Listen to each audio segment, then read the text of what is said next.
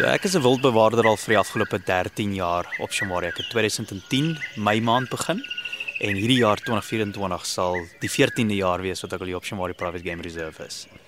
Kyk, ek was omtrent so 5 jaar oud toe ek en my ma en my twee sissies saam met my oupa en my ouma op die plaas op Kroonstad gaan woon, uh na my pa in 'n motorongeluk oorlede was. En my oupa was 'n verskriklike 'n natuurliefhebber gewees. Dit was enigietsie van voeltjies kyk vir wilde diere en ek het baie by hom geleer toe ek klein was. En ek dink dis waar die vir die liefde vir vir die bos op 'n baie jong ouderdom ontwikkel het. Ehm um, ons het naweke gaan visvang en ons het gaan kamp en saam met my oom sy twee sy twee seuns self weet uh, hulle het hulle het my baie ingeneem om deel te wees van hulle lewens en hulle het my van die bos geleer en van die natuur geleer. Toe ek klaar gemaak het met skool op uh, Afrikaans Hoërskool Kroonstad, toe is ek uh, so vir 'n uh, jaar omtrent soos hulle in Engels sê 'n gap year gevat en toe ek van daar af ek het by die weermag aangesluit. Ek was in uitsoring gewees en ek was in uitsoring seker so 7, 8 maande en toe ek op Bloemfontein toe toe ek die valskermbataljon kursus gaan doen en toe van daar af het ons springkursus gedoen en ek het toe daar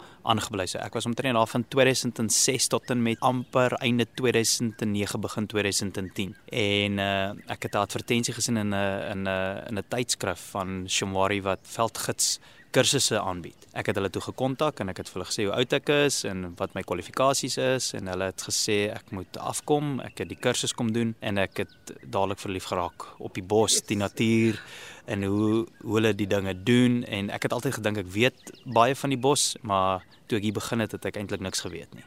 Yes. En my hoofgids Andrew Kearney wat destyds die uh die die, die, die hy was die training manager geweest ons het uh, goeie vriende begine raak en uh, op die einde van die kursus toe bied hy my werk aan. Hy het gesê ek wil baie graag hê jy moet hier kom werk. Hulle het 'n uh, onderhoud vir my met Joe Kloete gereël. Ek het vir Joe gaan sien. Ons het begin gesels. Ons het op 'n uh, baie goeie voet dadelik afgeskop ek en Joe en Andrew. Ek het teruggegaan weermag toe gaan bedank en ja, ek het die Vrydag my goed gepak. Ek het die Saterdag gery. Ek het die Sondag hier gearriveer, uitgepak en die Maandag het ek begin werk. En, en hier is jy nog steeds en hier's ek nog steeds baie lief vir die bos en uh, jy leer elke dag en jy jy ontmoet wonderlike mense van reg oor die wêreld en en ek dink en dis wat en dis wat 'n ou uh, dryf elke liewe dag. Diere is een ding, maar dis die mense en dis die die liefde wat hulle het uh, en dis die liefde wat hulle hiernatoe bring om deel te raak van conservation om te sien uh die belangrikheid van wat diere in 'n mens se lewe eintlik doen en ek geniet dit vreeslik baie.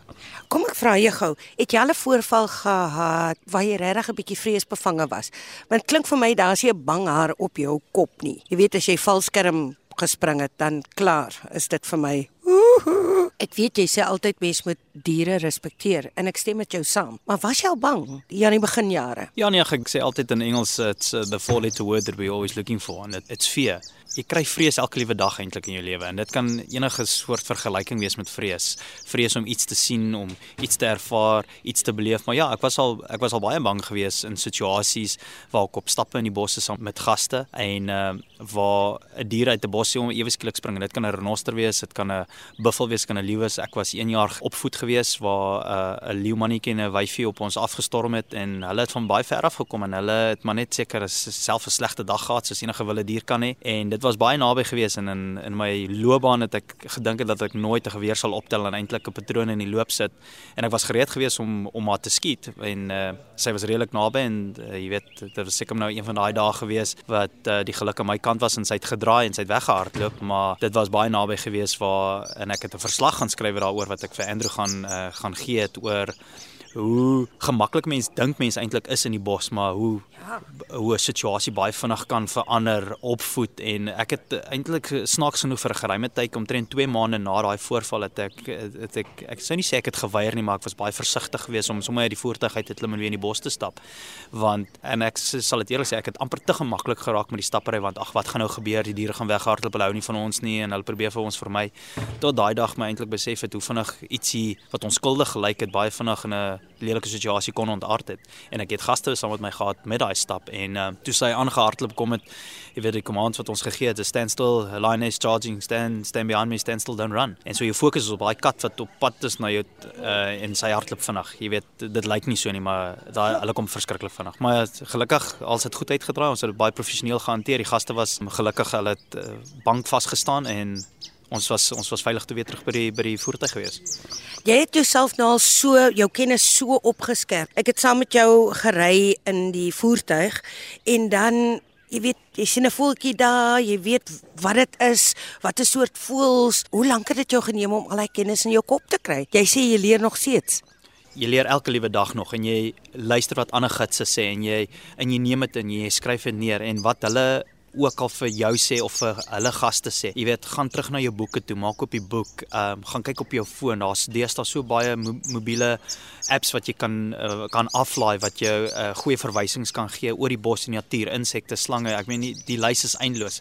As jy 'n gids skryf wat na jou toe kom en sê hy ken alles in die bos, dis onmoontlik. Dit is letterlik onmoontlik. Jy weet, jy kan spesialiseer in in in 'n veld van voeltjies, wilde diere, reptiele, ehm um, wilde blomme. Dat daar is so baie om te kan leer elke liewe dag en en ek dink ek waardeer hoe langer ek in die bos bly, hoe meer begin ek die bos waardeer waar ek kan sit en ek kan na 'n rooibok kyk. Ek weet dit is een van die mees algemene diere wat jy kan sien elke dag, maar net om te sien hoe daai dier beweeg en hoe hy luister en hoe hy sy kop optel, hoe hy na die lug ryk as die wind waai en hoe hy luister as daar 'n jakkals in die distansie roep en jy weet dit gee hom 'n teken. Dit dit sê ietsie hom dat daar dalk 'n roofdier in die area is of hy sien ietsie wat hy dalk nou gemis het of nie raak geryk het en as jy kan sit en dit kan waardeer van die bos. Ek meen jou passie vir dit sal nooit eindig nie. Jy het 'n 4-jarige seentjie en is versot op jou kind.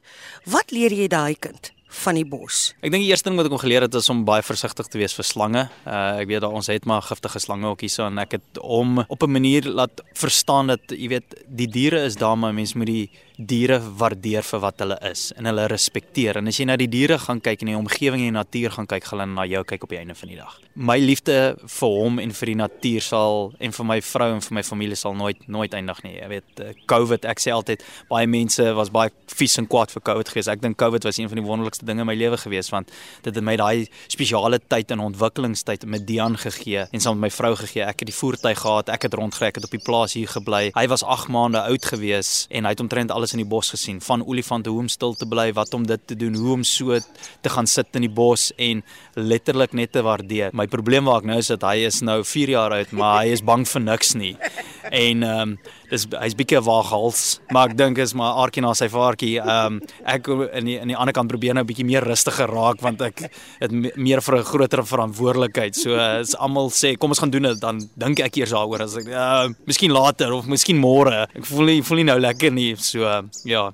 Gister toe ry ons toe wys jy daar's 'n jakhals en toe hoor ek vir die eerste keer hoe 'n jakhals klink. Hoe's daai klank dan weer? Wa wa wa. As hy reg klink. He.